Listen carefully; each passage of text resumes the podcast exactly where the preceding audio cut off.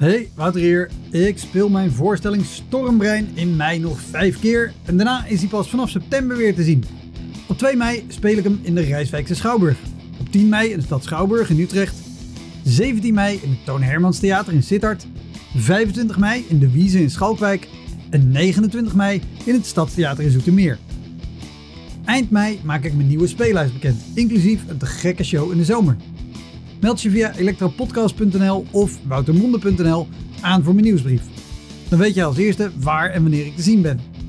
Sowieso is dat handig, want dan krijg je elke maand één mail met erin een overzicht van alle podcastgasten, de columns die ik die maand heb gedaan en alle shows die er in de maand erop gaan komen.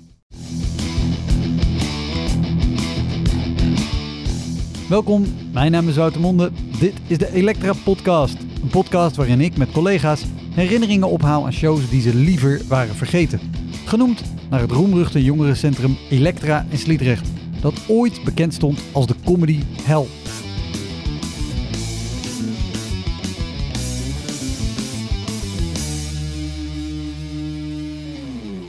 Deze aflevering praat ik met Pieter Derks, een cabaretier die je kent uit het theater, van de radio en van tv. Ik stond in jongerencentrum Elektra in Sliedrecht. Oh, je bent er geweest? In de, week, goed. Ja, in de week voordat mijn eerste voorstelling in première ging. en dat, dat, dat, nou ja, dat was geen goede generale. Laat ik het zo dan maar... eh, Pieter was lang te zien als huiscomedian bij De Wereld Rijd Door en hij heeft een wekelijkse column op Radio 1. Maar al daarvoor toerde hij met avondvullende voorstellingen en dat doet hij uiteraard nog steeds. Heel veel plezier. Dit is de Elektra Podcast met Pieter Derks.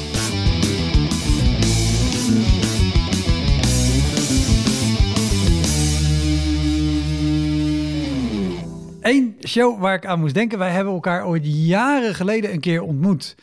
In de, het eh, loading dock volgens mij van Theater Castellum in Alphen aan de Rijn. ja. Ik ging daar spelen bij de befaamde Bitterballen Gig. Dat was een, een show van de Comedy Explosion op zondagmiddag. Waarbij altijd ergens tijdens de tweede act kwamen er bitterballen. In dat, eh, in dat eh, restaurant daar, toch? Ja, Die, eh, in, in, in de foyer. ja. En als ik het goed heb, was jij daar omdat je een klus had gedaan voor advocaten. Ja, dat klopt. Ja, ja. Ik, heb had geen een- idee wat voor show dat verder was. maar Ik dat- had, wat had ik, eh, wat had ik gedaan? Ja, ik heb volgens mij twee keer toen, eh, en eentje ging niet door, geloof ik. Maar, ehm, eh, oh nee, ja, zo was het. Ik zou voor hun spelen op een jubileum of zo van een advocatenkantoor in Al van der Rijn. Maar toen, toen was net die schietpartij in het winkelcentrum. Ja. Net de week daarvoor. Dus toen is het niet doorgegaan. En toen is het volgens mij een jaar later alsnog doorgegaan. In mijn herinnering heb ik namelijk vier keer op dat kantoor gespeeld. Maar het, het is uiteindelijk maar één keer eh, gebeurd. Maar dat was inderdaad, eh, en dat, volgens mij was dat via het theater, was dat verzoek eh, binnengekomen bij mijn impresariaat. En Ah, dus, dus vandaar dat ik vanuit het theater daar naartoe was gegaan, geloof ik ook. Maar dat was inderdaad gewoon in de, ja, in de receptie van het kantoor eigenlijk een beetje. daar hadden ze een soort borrel en ze bestonden zoveel jaar. En ja, gewoon even een, paar prakken verhoogd en eh, daar stond ik eh, mijn dingetje te doen. En toen heb ik nog een lied geschreven ehm, over advocaten, over een, een, een, een, ik heb het hier nog ergens liggen. Ik kan het zo meteen misschien nog even opsnoren. Maar, maar over een, een, een kindje dat geboren werd en al meteen met woorden als appellant en eh, eh, eh, nou ja, allerlei- Objecten infaam. ja, object en infaam en allerlei advocatentermen begon te Oh, strooien. een soort, soort over een advocatenkind. Dat had ik dan speciaal voor hun geschreven, ja. En ik weet nog dat ik dat zelf briljanter vond dan de zaal. Ja, dat weet ik ook nog. ja. Vonden ze de rest wel briljant of was het überhaupt een... een... Nee, het, nee dit was, dit was in, de, in, zeg maar in de categorie bedrijfsoptredens was dit nog best, best, best oké, zeg maar. Ja. Dit was, eh, wel, ja, je staat natuurlijk gewoon in een, in een kantoor onder een TL-buis op een verhoging. Maar dat allemaal even wegdenkend is het verder gewoon een optreden. Eh, en eh, en, en ze, ze- nou ja, ze waren wel heel eh, vriendelijk en enthousiast en probeerden een beetje mee te denken en het in geval nog een beetje aangenaam te Ah, maken voor mij. Dus dat was, dat was best wel, best wel prima. Heb, ja. heb, jij, heb jij veel bedrijfsoptredens gedaan? Ik heb er een tijdje wel veel gedaan, ja. Zo in- die periode dat ik... eh, ehm, ja, dat, dat, dat, dat- ik gewoon wel speelde, ook met voorstellingen, maar het ook gewoon nodig had om eh, daar veel dingen bij te doen. Ja. Dus eh, toen heb ik wel. En, en inderdaad vaak dingen op, dus liedjes. Ik heb ook een keer een lied voor gemeentesecretarissen gemaakt. is al heel specifiek, maar dat vond ik er juist heel leuk aan. Omdat je dan gewoon echt een, een bepaalde beroepsgroep helemaal eh, leert kennen. En, Ja, ja, ja. ja. Dus ik heb dat wel, ik heb dat wel in die tijd veel gedaan, ja. Ja. En is, is er eentje waar je op terugkijkt dat je denkt, oeh, het is, het is, het is maar goed dat het goed betaalde, maar waarom heb ik daar Ehm, mijn ziel staan verkopen? Nou, ik heb op een gegeven moment was er een bedrijf en die dat was een soort uitzendbureau voor ambtenaren. Voor, voor ehm, en, eh, nou ja, dat, dat, dat, was een soort, die werkte alleen maar met publieke organisaties en daar, daar zonden zij dan, en dan met name secretaresses eh zonden zij uit. En die werkten dan een aantal maanden ergens en dan werden ze via hun weer ergens anders gedetacheerd, zoiets was het. En die hadden een soort traject met allemaal mini-congressen, workshops voor al die eh secretaresses.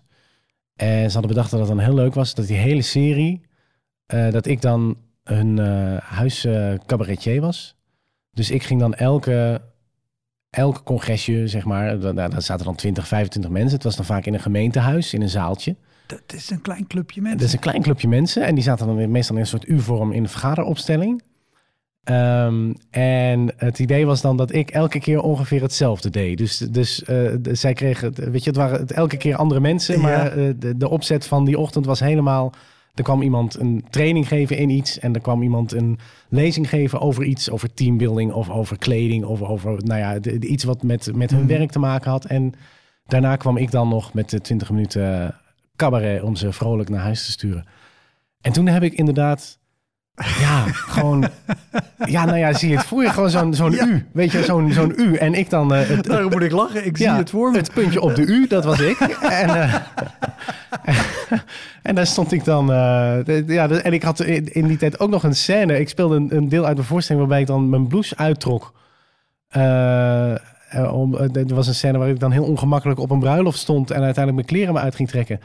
Voert lang om dat nu allemaal nog uit te leggen waar dat vandaan kwam. Maar er was dus een moment dat ik in een zaal, in laten we zeggen eh, het gemeentehuis van Gouda of van Zaandam, voor 25 gemeentesecretaresses eh, eh, mijn bovenlichaam heb ontbloot. Ja. Dat moment eh, heb ik wel degelijk meegemaakt. Ja. Ja, ik weet niet of ik dit ooit aan iemand verteld heb eigenlijk verder, maar eh, ja. Bij deze. Ja. Dankjewel, want Ja. het is een goed verhaal. Oh, maar het, het is ook zo herkenbaar inderdaad. De, dan zo'n U-opstelling en dan zo, nou, kom maar. Ja, Ik, ik heb zo een keer samen met eh, Edo Berger, daar maak ik de Q-musical elke maand mee op Q-music.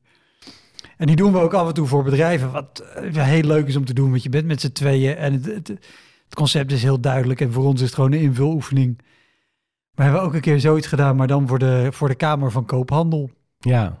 En dan kom je inderdaad ook onder een systeemplafond, onder de TL-balken. Nou, Ja. hier, hier is het. Ja, en het is dinsdagochtend 11 uur. Laten we dat ook niet vergeten. Weet je, het is niet dat je zegt, eh, nou, eh, we hebben op vrijdagmiddag, eh, weet je, alvast gezellig wat gedronken en we gaan nog even naar een optreden kijken. Maar het is gewoon dinsdagochtend. We hebben net drie uur naar een PowerPoint-presentatie zitten kijken. Take it away. Ja. Oh, en, en wat je zei, ik, ik, heb ze, ik heb ze wel een tijd lang gedaan. Dat betekent dat dat je ze nu niet meer doet? Ehm, nee, eigenlijk eh, nog heel af en toe nog een, een congres of iets. Maar ehm, de- vooral als ik het inhoudelijk gewoon heel erg leuk vind. Weet je, als het Ja. echt past bij wat ik, eh, wat ik belangrijk en interessant vind.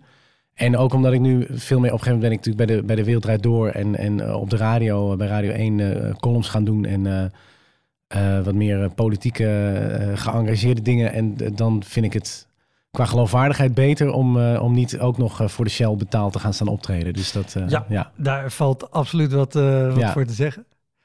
Want, want de wereld draait door. Jij was daar de eerste die, die begon met gewoon die weekafsluiting.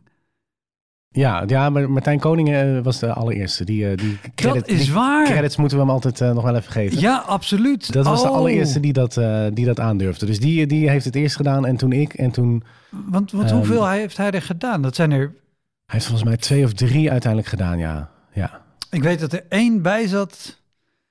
En die vond ik heel erg grappig. En dan kreeg hij zo'n lading shit voor over zich heen. ja, En, en ik weet dat ik dat toen echt zei... "Maar- Ja, maar mensen, luister nou naar wat hij ja. gezegd heeft. En het, Ja. zijn, het zijn... Inderdaad, die zat daar voor je. Maar, maar hoe, hoe was dat om daar te spelen? Want ik heb er Peter Pannenkoek wel eens over gesproken. Ik heb Soendels er ook wel eens over gehoord. Het, ik kan me voorstellen dat zeker, zeker toen... toen de vorm überhaupt ook nog niet bekend was... met Ja. hey, er komt hier nu iemand in twee, drie minuten de week doornemen. Ja. En dan ook nog gewoon qua, qua spelen, qua afstand tot het publiek... en, en de sfeer van het programma. En Ja. opeens... Hoe was dat? Nou ja, het, het, het, was heel goed dat ik ervaring had met eh 25 mensen in een uuropstelling. Want dat, dat heeft me absoluut wel een- door een aantal uitzendingen van de Wereld Draait Door heen geholpen. Eh, maar nou ja, het, is, het is een hele... eh, ik, ik vond het te gek dat, het, dat, dat, dat ze me belden en dat het kon. Want ik was, ik was ook hard bezig om gewoon publiek te bereiken en te vinden. En veel aan het spelen. Maar, eh, maar dit, ja, dit was de te gekke kans natuurlijk. En, eh, en ik had ook wel het idee dat het me zou liggen, omdat, het, omdat ik al veel... eh, ja, ik schreef al columns over het nieuws en ik was er al mee bezig en zo. Dus, ehm, maar het, ja, het is natuurlijk geen geweldige situatie om stand-up te gaan staan bedrijven. Want het is... Het, het- Want, want beschrijf even, hoe, hoe was het toen jij daar speelde? Gewoon qua nou ja, indeling. En, ik, stond, en- ik stond op het, op het podiumpje. Eh, met een, eh, met een eh, ja, gewoon in, in een spot, licht uit, spot aan. En voor mij dan twee cameramensen of drie, zo'n beetje zo om je heen. Daarachter de tafel met Matthijs en tafelheer of dame en nog een paar gasten. En daarachter dan nog wat publiek. Ehm, dus het is heel moeilijk om in zo'n setting überhaupt... Om er, om er überhaupt één... Wat je normaal gesproken wil is natuurlijk een soort concentratie... waarbij iedereen op jou gericht is. En, maar er is per definitie heel veel afleiding. Want het is een tv-studio en er zit gewoon iemand eh, met dingen te wijzen. Er loopt iemand rond met blaadjes. Er staat iemand nog even eh, eh, tijdens jouw optreden... ergens een glaasje, glaasje water klaar te zetten of iets op te ruimen. Die cameramannen lopen rond, er gaan lampjes aan en uit. Dus het is de- alleen dat al, weet je wel, om mensen daar ter plekke gewoon mee te nemen in je, in je verhaal Ja. is heel lastig. En het moeilijke is ook nog dat het thuis compleet anders kan overkomen. Dus dat je, dat je daar in de studio het gevoel kan hebben van nou, het ging wel aardig en ze, ze lachten wel een paar keer. Maar dat er thuis net een shot tussendoor kwam van een meneer op de eerste rij die heel zagrijnig voor zich uit zat te kijken. En dat iedereen denkt, nou, het gaat echt niet goed met die jongen, weet je wel. Is dat gebeurd? Dus het is, eh, ehm, ja, nou ja, niet zo letterlijk specifiek di- dit geval, maar ehm, ja, het is wel gebeurd dat het gewoon voor mijn gevoel daar beter ging dan het, dan het er Ja. later uitzag, weet je. Ja, dat je ja, denkt, oh ja, die, die sfeer is niet helemaal goed. Hoe groot was Ehm, dan bijvoorbeeld de, de afstand tussen jou en gewoon aan publiek? En hoeveel publiek zat er toen ongeveer? Ehm, ik denk dat er een mannetje of 40, 50 misschien in die studio zat. En Wat ja. ook al net aan genoeg is om echt een lekkere reactie Ja, te krijgen. zeker. Ja. Nou, en, het, en het, wat het vooral heel moeilijk maakt, is dat je natuurlijk gewoon de hele. Je hebt niks in de hand. Dus ook de sfeer van zo'n uitzending.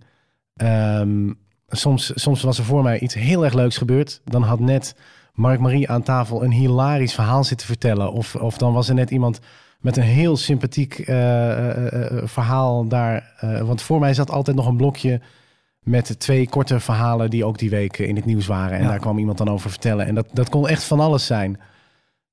Dus soms was dat zo leuk dat ik dan daarna nog eroverheen moest. Soms was dat zo verdrietig dat de sfeer... Het, op een gegeven moment was er een uitzending, toen was Nelson Mandela net overleden.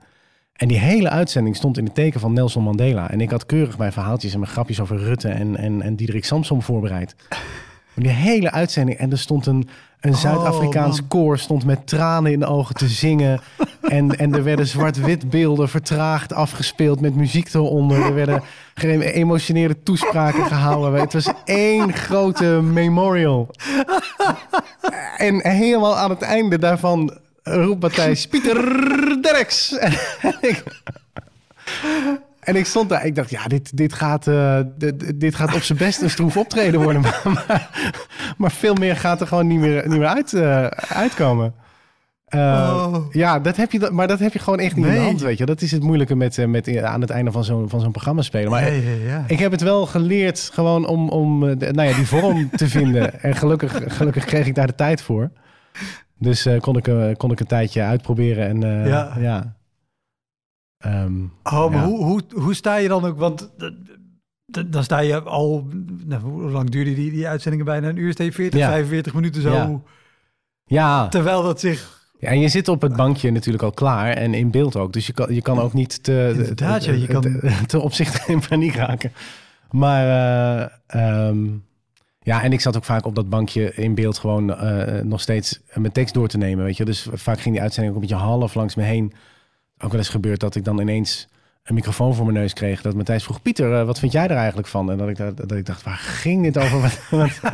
Dat hebben ze daarna ook nooit meer gedaan. Maar eh, ja, ik was gewoon bezig met, Ja. met dat... dat... Nou, dat, dat is inderdaad, het is dat je het nu zegt, maar ik heb dat vaker gedacht als ik of jou of Peter of zo daar zo zag zitten. Dat ik dacht, kut, voor dit soort dingen wil ik het liefst gewoon nog achter zitten Ja. en nog tot het laatste moment bedenken, Ja. nee, deze komma moet toch Ja. hier of dit woord. Ja. moet- ja, en ik heb ook wel eens getwijfeld, moet ik, moet ik achterblijven? Maar ik vond het ook eh, wel goed en belangrijk om in de sfeer van die uitzending te zitten. Want Ja. je wil ook gewoon een beetje, nou ja, wat ik zei, het kan, het kan alle kanten op schieten. Dus je wil daar wel, en het liefst ook nog één of twee dingen uit de uitzending meenemen. Dat, dat, dat zijn natuurlijk de leukste, dat is het leukste... eh, als dat lukte, dat je, dat je je voorbereide verhaal helemaal op orde had. En dat dat dan ook nog lukte om er tussendoor eh, eh, ja, dat is geweldig. in de improvisatie wat dingen uit de uitzending in mee te pikken. Dan, eh, dan, dan klopte het heel erg, zeg maar. Dus, dat, dus uiteindelijk had het wel een meerwaarde om erbij te zijn. Maar ja, ik zat me wel gewoon de hele tijd een beetje... en dan, en dan en, ja, Sorry, Nelson Mandela blijft in mijn hoofd zitten. ja, ja dat, dat snap ik. Ja, Oh, jemig. Want ik denk dat voor heel veel mensen was de wereldrijd door hun eerste kennismaking met jou. Maar toen was je al een hele tijd aan het spelen. ja ik was... En had je, eh, had je ja. al uh, Amsterdams Kleinkunstfestival gewonnen en zo. Ja. Eh, ja, dat klopt. Ja, in 2005 heb ik het AKF, eh, de, de publieksprijs gewonnen. Eh, Niels van Laan en Jeroen Woe, die wonnen toen de, de juryprijs. Daarna ook Ehm, nooit meer wat van gehoord. Nee, nooit meer van gehoord. Heel eh, jammer was dat. Ehm, nee, ja, dus ik was inderdaad in 2012 ben ik bij de Wereldrijd Door begonnen. Dus ik was al zeven jaar aan het, aan het spelen, ja. Ja, Ja, en eh, je, je hebt Koningstheater gedaan, toch? ja. Want volgens mij ben je een van de, van de, niet de eerste, maar wel een van de eerste lichtingen. ja dat was de, de- de- een beetje de tweede lichting, zeg maar. Dus je had de, de eerste, de allereerste lichting was Alkemade en Bloemen en eh, René van Bavel. En, eh, en volgens mij waren zij net klaar toen ik aan de opleiding begon. En toen... en ik zat in een ontzettend leuke, leuke club met, met Katinka Polderman en Nathalie Baartman en eh, Jochem Otte en eh, eh, Hanneke Drent en Anne van Rijn. En, dus dat was echt een hele Ja. leuke, inspirerende bende. En ehm, de, nou ja, er zijn ook, de meeste daarvan zijn ook gewoon nog aan het spelen. Ja, ja, ja. Want toen je, toen je klaar was, op wat, voor, op wat voor plekken speelde jij toen? Ehm, nou, ik heb eigenlijk tijdens de. Ik ben eigenlijk op de middelbare school al een beetje begonnen met spelen. Dus ik, eh, de, de- op de middelbare school met, met kerstvieringen en weeksluitingen. Ik zat op een Jena-plantschool, dus daar was heel veel eh, ruimte voor optredens. En die nam ik graag. Dus eh, daar heb ik al wel veel gespeeld. En toen ook later nog wel voor, voor studentenverenigingen en dat soort dingen.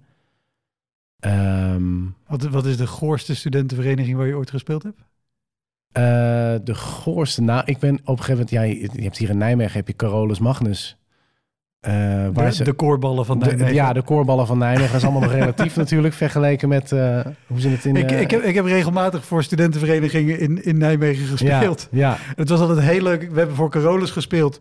Dan moest je vooral Ovum Novum afzeiken. ja, ja, ja, en als je bij Ovum speelt, dan moet je iets naar zeggen over Carolus. Ja, nee, op zich is het format niet heel ingewikkeld. Ik moest eraan wennen dat ze dan, als iets heel leuk was, gingen ze niet applaudisseren of lachen, maar dan riepen ze vo, vo.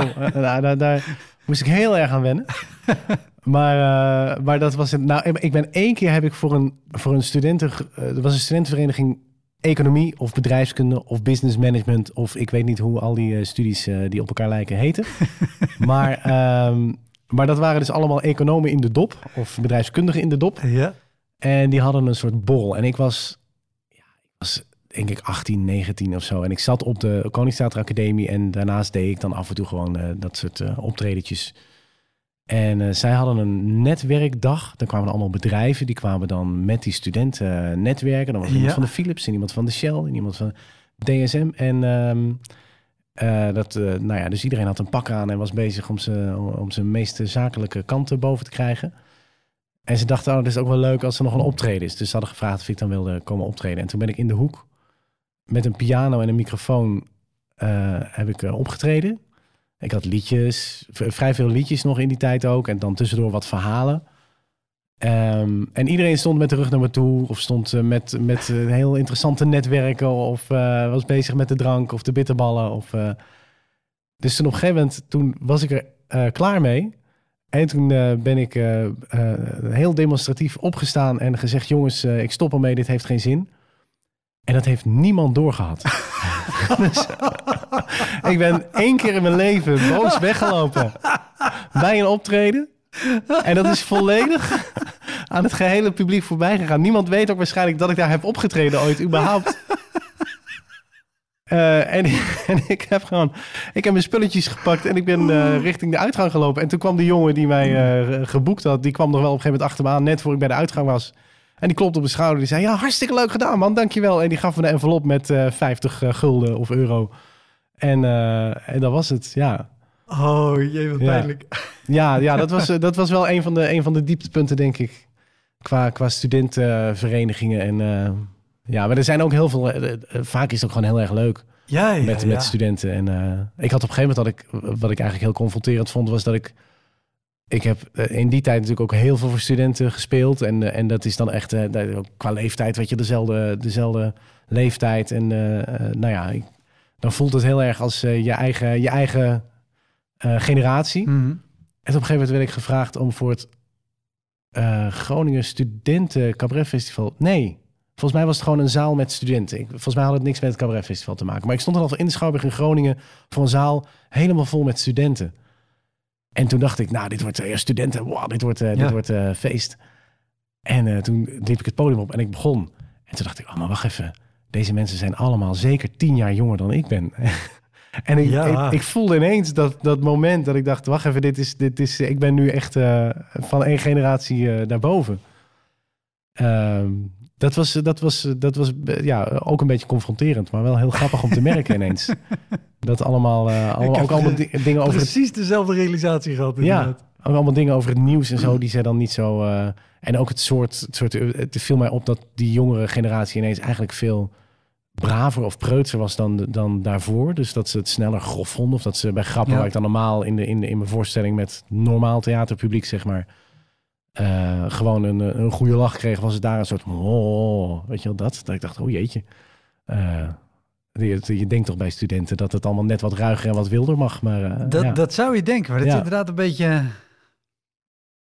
Nou ja, of het is veranderd of het is aan het veranderen. ja. Ik heb het dit- inderdaad ook wel ja. meegemaakt. Dat je Ja. denkt, nou, dit zijn studenten, Ja. die kunnen wat hebben. Ja. Ja, het hangt er misschien ook nog af van wat voor studenten het zijn en wat, eh, nou ja. Ja. En maar, wat je zei, je speelde ook op school en bij weekafsluitingen en weet ik wat.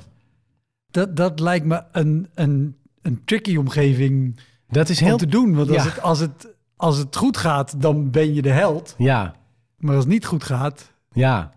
Nee, dat klopt. Nee, eh, eh, nou ja, en ik speelde dan, ehm, je had gewoon één keer in de week de weeksluiting en de één klas was aan de beurt dan die week en eh, de rest van de school kwam kijken. Dat was dan een beetje, en vooral de onderbouw, dus klas 1 tot en met 3. Dus eh, 12 tot 15 jaar. Eh, dat is geen makkelijke leeftijd om eh, voor te spelen. alles Eh, behalve. En, ik, eh, en op een gegeven moment, ehm, ik heb ook meer uiteindelijk op die, op, je had dan met die kerstviering en zo, dan kwamen de ouders en de leraren allemaal kijken. Dat was op een gegeven moment meer mijn, eh, mijn plek dan, eh, dan in die weeksluiting. Ik heb op een gegeven moment één keer bij een weeksluiting volgens mij een soort monoloog staan doen. Of een, of een volgens mij een gedicht van Harry Jekkers over de koning die eh, niet dood wilde. Ehm, maar toen stond ik, stond ik op te treden, ik stond zo op de voorrand van het podium. En toen hoorde ik zo op een gegeven moment ergens begonnen zo op rij drie. En ik hoorde het zo langzaam door die zaal gaan. Ze gulp, ze gulp, ze gulp, ze gulp.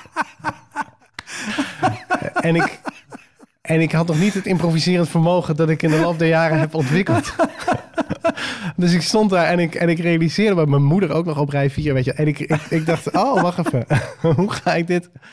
En, en ik dacht, oké, ik moet gewoon stug doorgaan. Ik moet gewoon doen alsof dit niet bestaat. maar niemand heeft natuurlijk ook weer iets gehoord van wat ik nog gezegd heb. Ik zelf heb ook geen idee meer eh, wat ik, wat ik er allemaal heb uitgekraamd. Maar ik ben gewoon heel stug blijven door, doorgaan. En ik heb dat netjes afgemaakt. En toen, eh, en toen ben ik afgelopen. En toen heb ik mijn gulp dichtgetrokken, ja. Eh, maar als je het hebt over spelen voor pubers... was dat denk ik wel een van de meest, meest heftige momenten, ja. Ja. Heb, je later nog wel eens voor middelbare scholieren gespeeld? Of heb je ze wel Ehm, ja. eens eh, bij, bij, bij weet je, er gebeurt natuurlijk ook vaak dat je ergens een gewone voorstelling hebt en dat er opeens Ja. een enorme lading eh, eh, scholieren zit voor, voor kunstzinnige en culturele vormen. Ja. ja, ik heb dat wel. eh, ja, dat was ook inderdaad in de eerste jaren dat ik met mijn eerste voorstelling aan de tour was. Ook wel voor scholieren gespeeld. Maar wel op een gegeven moment eigenlijk al vrij snel gewoon als eis daarbij gesteld altijd dat ze er vrijwillig moesten zitten. Dus dat het niet een verplicht uitje Ja. voor een hele klas was, maar dat het dan eh, een voorstelling op school was waar je naartoe kon gaan of niet. Weet je, maar eh, dat, dat scheelde al een heleboel in de natuurlijke selectie van, eh, van het publiek. Dat heb ik al wel vrij snel. Want ik vind het nog steeds eng, inderdaad. Spelen voor, voor, voor pubers, voor scholieren.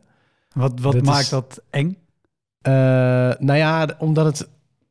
ehm, het is heel. Het ze zijn heel direct en heel eerlijk. En heel. eh, eh, en ik, ik kon als kind ook al niet heel goed omgaan met die groepsdynamiek. Dus ik denk dat het ook gewoon te maken heeft met dat ik vroeger gepest ben en nog steeds niet eh, in, in een groep kinderen durf te verschijnen. Maar, maar nee, ja, dat vind ik nog steeds spannend. Ja, omdat, er, omdat er van alles kan gebeuren in zo'n groep en ze elkaar gaan aansteken en, en, en je, je gaan uitdagen. En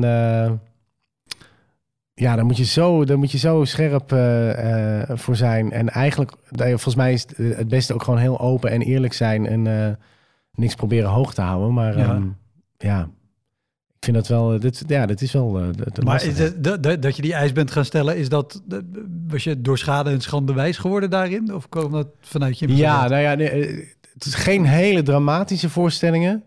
Dus ik heb niet, eh, niet echt meegemaakt dat er mensen met dingen begonnen te gooien. Of eh, je hebt wel van die verhalen van, van collega's die echt voor CKV-groepen stonden... waarbij er gewoon dingen door de lucht vlogen op een gegeven moment. Of die eh, weggejoeld werden. Dat heb ik niet echt meegemaakt. Maar wel dat je voelt... deze kinderen zitten hier eigenlijk al helemaal niet zo op te wachten. Dus wie doen we hier nou precies een plezier mee? ja. Ja, Hoi, Wouter hier. Luister je vaker Elektra? Dan is het een goed idee om crewmember te worden. Je doneert dan automatisch elke maand een klein bedrag. En in ruil daarvoor krijg je extra afleveringen, consumptiebonnen om in te wisselen als je eens live bij mij komt kijken. En je krijgt een unieke link waarmee je voortaan de podcast luistert zonder dat ik halverwege onderbreek om te vragen of je crewmember wil worden. Zoals nu. Dus, word crewmember. Dat kan al vanaf 1 euro per maand.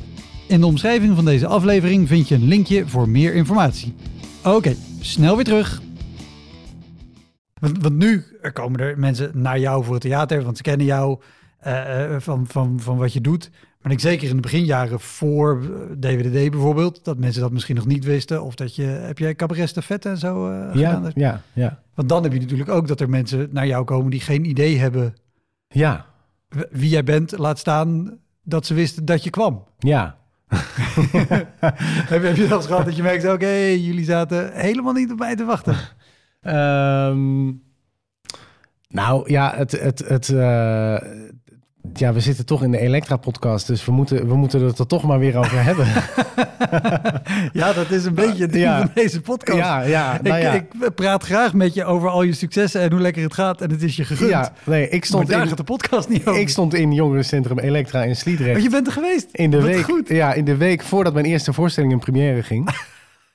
en dat, dat, nou ja, dat was geen goede generale. Laat ik het zo dan maar... eh, dat, dat is zeg maar zo'n belangrijk moment, weet je wel. Volgende week gaan we in première. Eerste voorstelling, oh, spannend. En dan, en dan nog even warm draaien in, eh, in Elektra.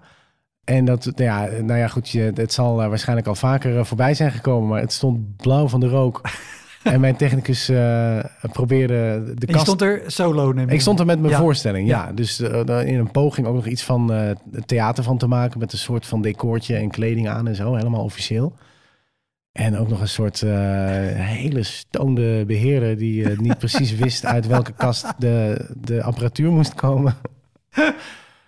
en en gewoon, het, het, het trok langzaam dicht tijdens mijn optreden. Dus het, het- iedereen zat te roken en te blowen. Dus, eh, en er zaten denk ik, nou misschien twaalf mensen of zo... een beetje zo verspreid Oh, Ehm, en eh, die zag ik steeds minder goed. En ik had met mijn technicus afgesproken. Ik heb, ik heb een slotliedje. Wat er ook gebeurt, als ik het slotlied inzet, doen we daarna het licht uit. En dan gaan we naar huis. En ik heb het uiteindelijk, ik heb volgens mij een uur of zo gespeeld. En toen voelde ik wel dat die mensen zowel geestelijk als eh, fysiek steeds verder van me af waren. Dus toen, eh, toen heb ik het, het slotlied ingezet. En, eh, eh, en toen is eigenlijk op vrij natuurlijke manier iedereen naar de ruimte daarnaast geschokt waar het biljart stond en de bar was. En toen, toen, toen was het voorbij. Dat was niet zo heel goed om zelfvertrouwen te tanken, nee, voor de, Voor Nee. de, voor de première, nee. En, en hoe lang duurde de voorstelling normaal? Ja, anderhalf uur, ja. ja. Dus eh, ik heb daar wel een goed, eh, goed half uurtje van afgesnoept, denk ik uiteindelijk, ja. Oh, wat Ja. goed dat je... er- ja, ik, ik, het is zo stom. Ik vergeet heel vaak aan mensen te vragen of ze er wel eens Ja, geweest zijn. Terwijl Ja. het leuke van... in die zin het leuke... Het, het bijzondere aan Elektra is dat heel veel mensen er geweest zijn. ja, En heel veel mensen hebben er gespeeld. ja. Heel veel mensen ook maar één een- keer, valt mij dat, vaak op. dat, dat wel. ja. Ik ben er zelf ook maar één keer geweest. Ik weet een aantal die, er, die er wel vaker zijn geweest. Maar ja, ze hebben heel veel gedaan. En ze hebben ook try-out eh, Ja. tours gedaan van Nou ja, want dat is natuurlijk het, het is natuurlijk te gek dat er een jongerencentrum is dat dat doet, weet je wel. Dat Ja, is natuurlijk eh, alleen, maar, alleen maar te prijzen met mensen die, dat, eh, die, daar, die zich daar allemaal vrijwillig voor inzetten. En ik heb op een gegeven moment het jongerencentrum Oud Aarde, ben je daar ook wel eens geweest? Nee, is- maar een vriendin van me woont toevallig in Oud-Aden. Oh, maar ja. het, het is in de buurt van oh, ja, Arendsveen. ja. ja. Want daar heb je eh jongerencentrum Splots. Splots, ja, dat die, eh, ja ook, ook geweest. Ja, die kunnen Ook, een- allemaal ook een beruchte plek. Ja, zeker. Ja. Dat, dat- dat- volgens mij is dat ook zo'n plek. Daar, daar, nee, ik ga het nog spelen. En ik heb er Ja. eerder gespeeld met heel veel plezier. Ja. Ja, nee, die, daar, daar, daar is het ook wel eh, leuk. Maar ook gewoon omdat er, er inderdaad mensen zijn die er echt wat van willen maken. En Ja. eh, weet je, niet iemand die denkt van ja, doe een keer een cabaretje en eh, we zien het wel. Maar echt mensen die... eh, die, die je wilde vertellen over Oud-Aden. Nou ja, dat oud aarde, dat, eh, maar eigenlijk eh, past het helemaal niet in de podcast, want dat was, dat was best wel leuk. Eh, maar ik vond het gewoon zo'n, zo'n, als je het over jongerencentra hebt, zo'n eigenlijk hele rare plek. Want het is een beetje aan de rand, het is al niet zo'n heel groot dorp. En dan aan de rand van dat dorp staat er een jongerencentrum, eigenlijk tu- tussen, een- tussen een paar weilanden. Het is een oude Ja. schuur of zo. En het, mooiste vind ik, als je dan naar buiten komt, hangt een briefje op de deur. eh, denk bij het verlaten van het pand aan de buren. En dan loop je de deur uit en dan kijk je om je heen. En dan denk je, ja, welke buren dan precies? Dat is, eh, maar, maar ja, wel weer heel erg leuk, omdat, het, omdat gewoon iemand de moeite neemt om daar dan toch eh, voorstellingen Ja, ja, te programmeren. Ja, Volgens mij, als ik het me goed herinner trouwens, is het eh, ook in Oud-Aden geweest... waar Pieter Jouke voor het eerst ooit avondvullend ging spelen. Oh, Eh, terwijl hij eh, net aan genoeg materiaal had voor een halve avondvullende voorstelling. Ja, maar hij had ja. nu eenmaal ja gezegd. ja. En dacht, eens kijken of ik toevallig een avondvullende voorstelling heb. ja. Wat, wat is de raarste plek waar je ooit hebt gespeeld? Ehm, Want ik kan me eh, voorstellen, misschien niet per se qua plek, maar misschien wel qua eh, of bijvoorbeeld een bedrijf of weet ik wat. Dat zeker met DWDD er natuurlijk toen opeens ook aanvragen kwamen met... oh, maar we kennen die jongen van tv, die willen wij ja. nu ook hier hebben. Ehm, ja, maar ik heb er volgens mij toen al niet meer zo heel veel gedaan. Ehm, even te denken wat ik qua bedrijven... Ehm, Of misschien juist in het begin met kleine theaters. Want je hebt ook dit soort theatertjes overal door het land... waarbij je de laatste 10 kilometer met groot licht rijdt. ja, Dat je denkt, waar, ja, waar kom ik uit en weten mensen dat ik hier ben? ja. En heeft de politie een spoor om op af te gaan als ik nooit meer terugkom? Ehm, ja, ik zit even te denken of de, of de hele rare, rare... Ik heb op een gegeven moment een keer, dat- dat was eh, qua, in elk geval de, de, de verste plek waar ik ooit, gespeeld heb in Bangkok voor de, voor de Nederlanders daar.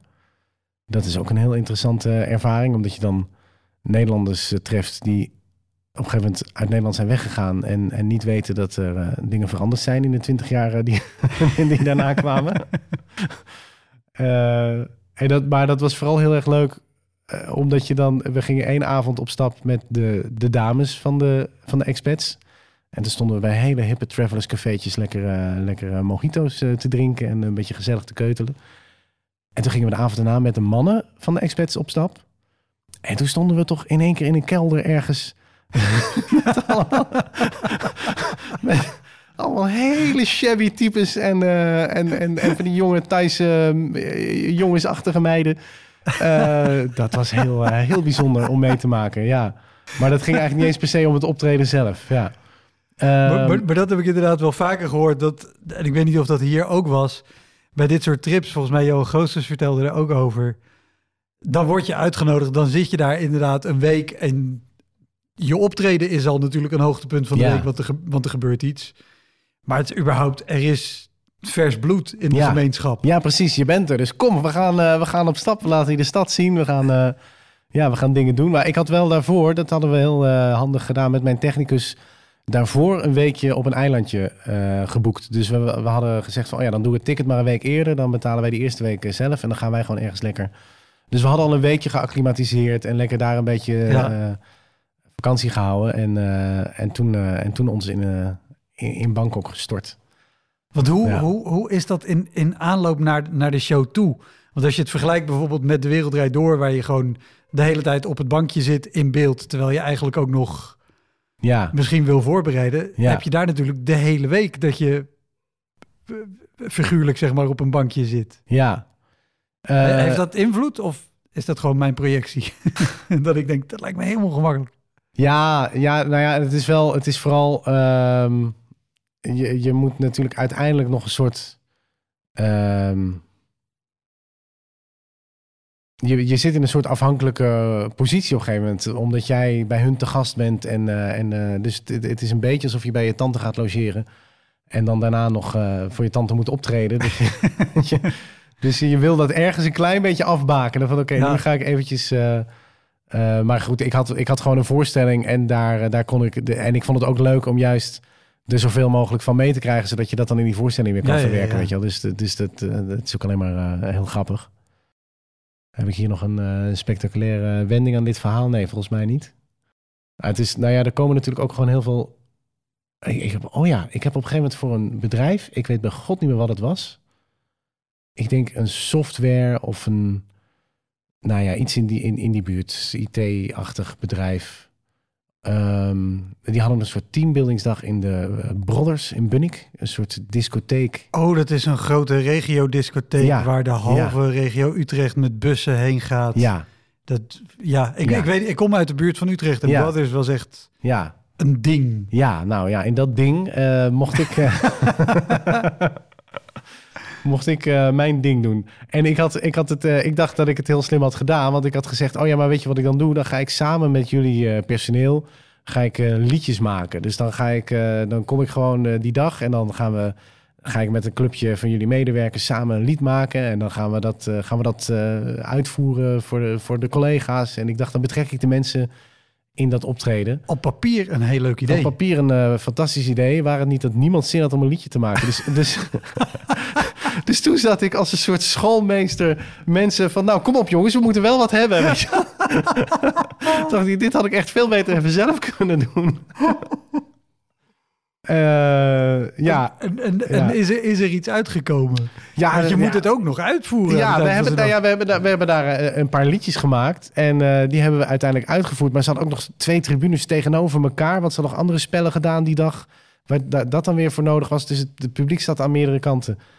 En, en, die, en ja, die, die, die, die, die, die personeelsleden trokken zich natuurlijk allemaal terug op het moment dat, dat we op het podium stonden. Dus uiteindelijk stond ik met eh, vrij matige liedjes die andere eh, eh, eh, eh, mede bedacht hadden, me reet te redden. En eh, ja, dan blijkt toch dat eh, publieksparticipatie niet altijd een goed idee is. Ja, dat je het misschien beter af en toe gewoon zelf kan voorbereiden. En eh, ja.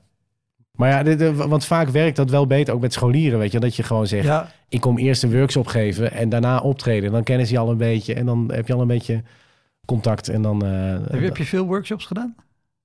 eh, ja, wel, ja, wel, wel regelmatig. Ja, gewoon voor een, een club scholieren.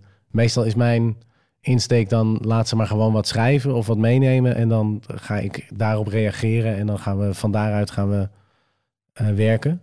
Want ik ben niet zo goed in gewoon beginnen met een soort college geven en vertellen hoe ik het altijd doe. Want dat, dat heb ik ook niet per se op één eh, PowerPoint klaarstaan.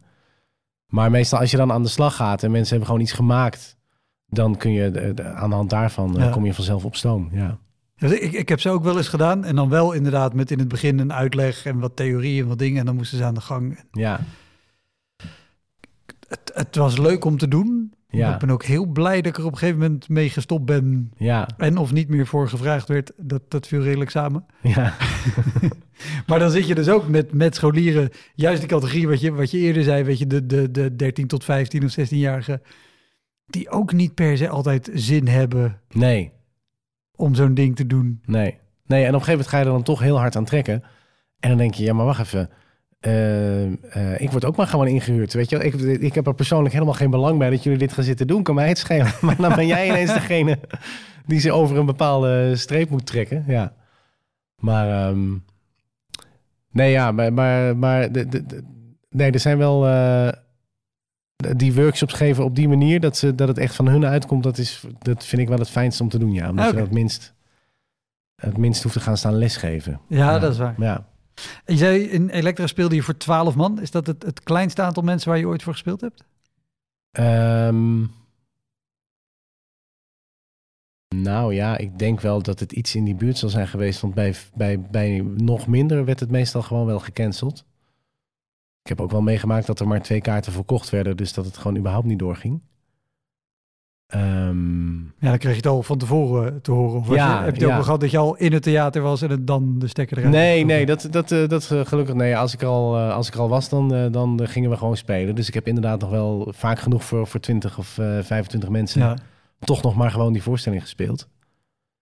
Maar ehm, ja, nee, de, de, nee bij, bij, bij twee betalende bezoekers werd er gelukkig altijd van tevoren wel even gebeld. omdat dat iedereen geld kost uiteindelijk. Dus dat, eh, dat was wel heel prettig, ja. Twee is ook wel echt heel weinig. Ja, dat is, ja. Ja, nou, nou ja, dat betekent dus dat zelfs de programmeur niet kwam kijken. dat is ergens ook nog wel droevig. maar eh, ja, dat is wel heel weinig, ja. Volgens mij eh, was dat een keer in... Nou, het is wel volgens mij in Emmen een keer gebeurd, ja. Dat ik daar eh, zou spelen, ja. Ja.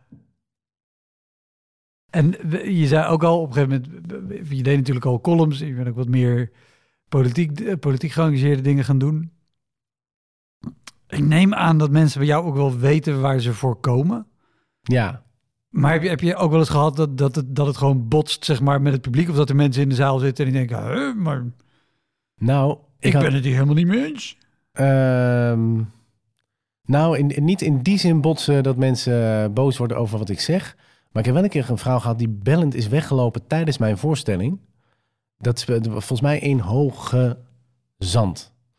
En daar speelde ik in een soort eh, de, de- nou ja, kleine zaaltribune oplopend. De, en de mensen zitten dan allemaal redelijk dicht voor je. Ook, in- nou, het zal een mannetje of eh 50 zijn geweest of zo. En op een gegeven moment ging daar een telefoon. En, die, eh, en, en ik zie een vrouw gewoon ook die telefoon opnemen en ermee naar buiten lopen. En, en al bellend weglopen zo, weet je wel. Dus, Echt waar? dus ik, nou ja, ik, ik maak daar wat grappen over naar de zaal toe. En ik, en ik, ik nou ja, ik, ik probeer daar in elk geval eh, nog een, eh, een grap Ja. uit te halen, zodat we door kunnen met de voorstelling. En die vrouw komt woedend teruglopen van, van, vanuit de foyer weer terug de zaal in. En begint, begint heel boos tegen mij te roepen dat haar dochter heet theewater over zich heen had gekregen. En dat het een noodgeval was en dat ze daarom gebeld werd. En hoe durf ik er dan ook nog grappen over te maken? Want het is haar dochter die... Nou, ik kreeg eens een hele tirade over wat er allemaal aan de hand was bij haar thuis.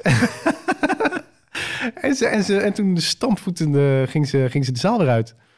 Eh, en, en, en nou ja, het erg is dat ik me dan toch nog een beetje schuldig voel. Dat ik denk, ja, oh ja, oh ja, nee, maar dat is wel erg. En dan, en dan dacht ik, ja, maar wacht even. Wacht even, je zit met je telefoon aan in een theatervoorstelling, weet je wel. Dus of je rekende er van tevoren al op dat je dochter waarschijnlijk hete thee over zich heen ging gooien.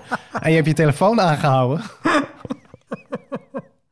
Of eh, er is iets gewoon niet helemaal goed gegaan. En als je daar al rekening mee hield, had je je dochter misschien niet alleen moeten laten. Nee, ja, precies. Ja, nee, ik vind drie ook vrij jong om alleen thuis te laten eh, hangen. Maar goed, wel knap dat ze gebeld heeft nog uiteindelijk.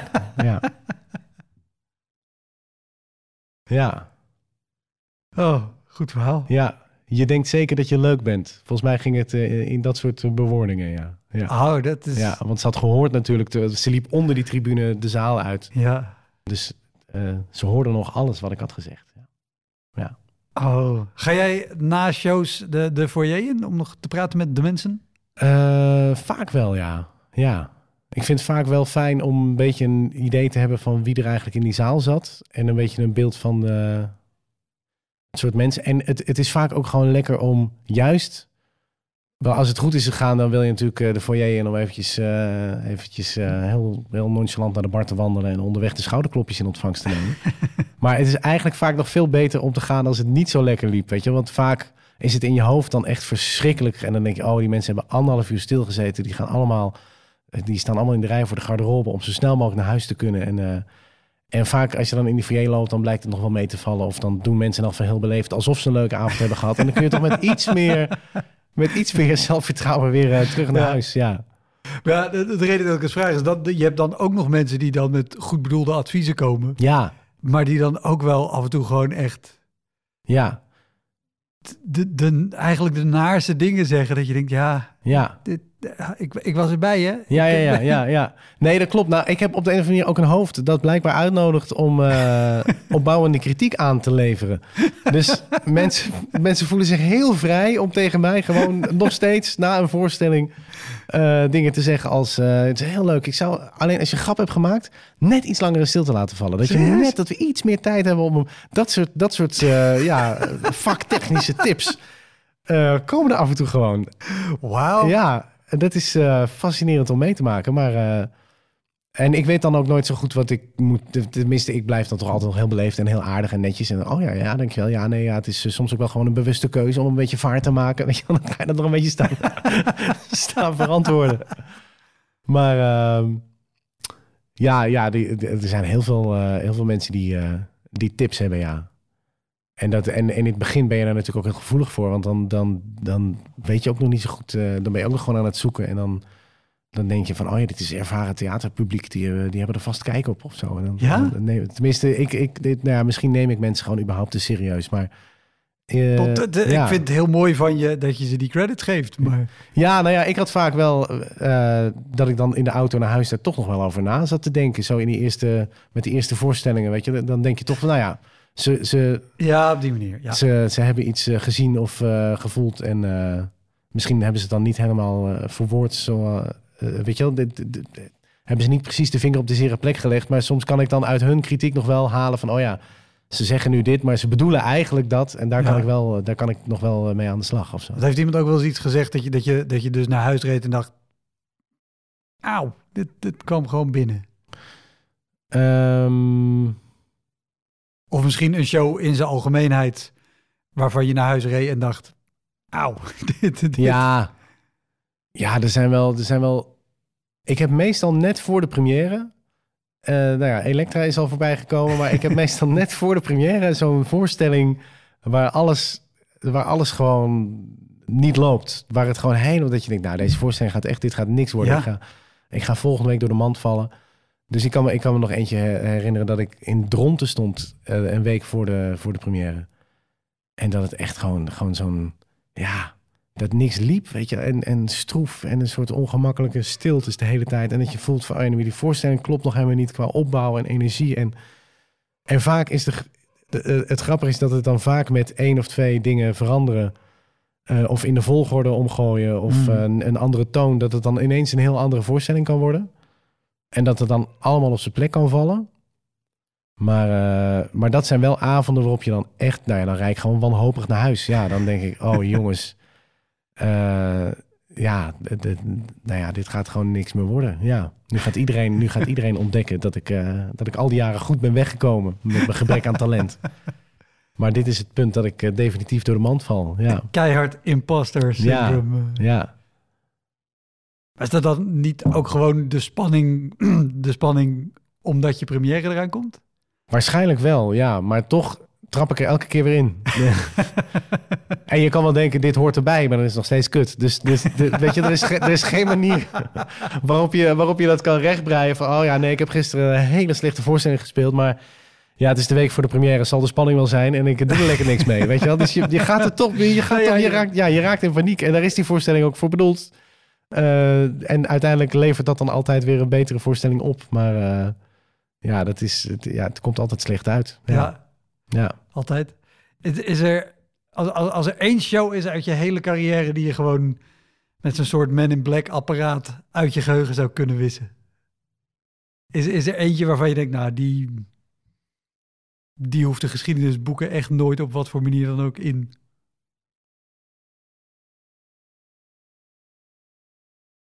Misschien is hij al voorbij gekomen hoor, dat, dat, dat zou kunnen, dat weet ik. Ja.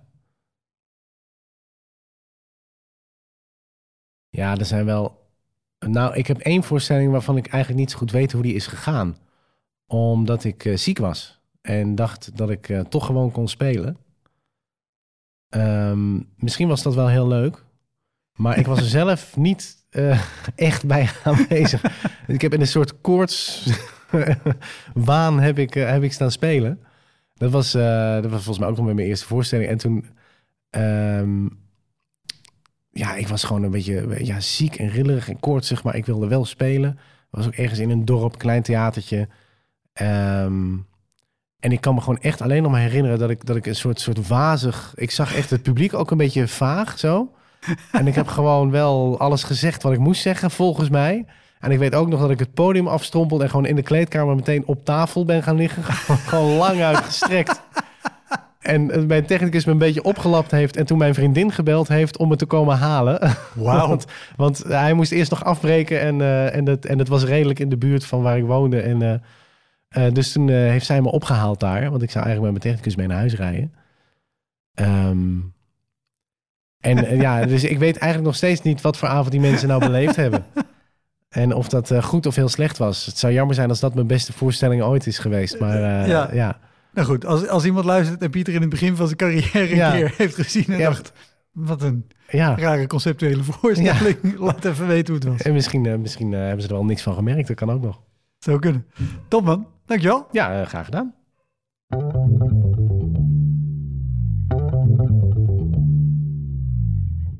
Dat was hem, de Elektra Podcast. Meer informatie over mijn gast van vandaag en linkjes naar van alles en nog wat vind je in de omschrijving van deze aflevering.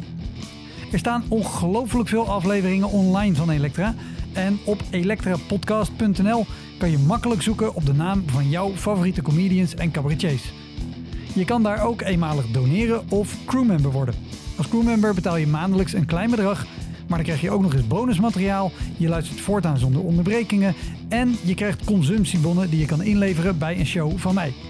Ik vind het sowieso te gek als je een keer komt kijken bij mij.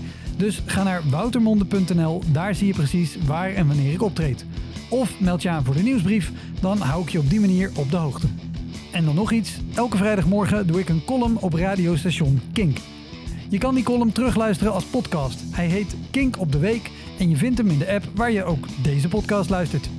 Oké, tot de volgende Elektra. Hoi!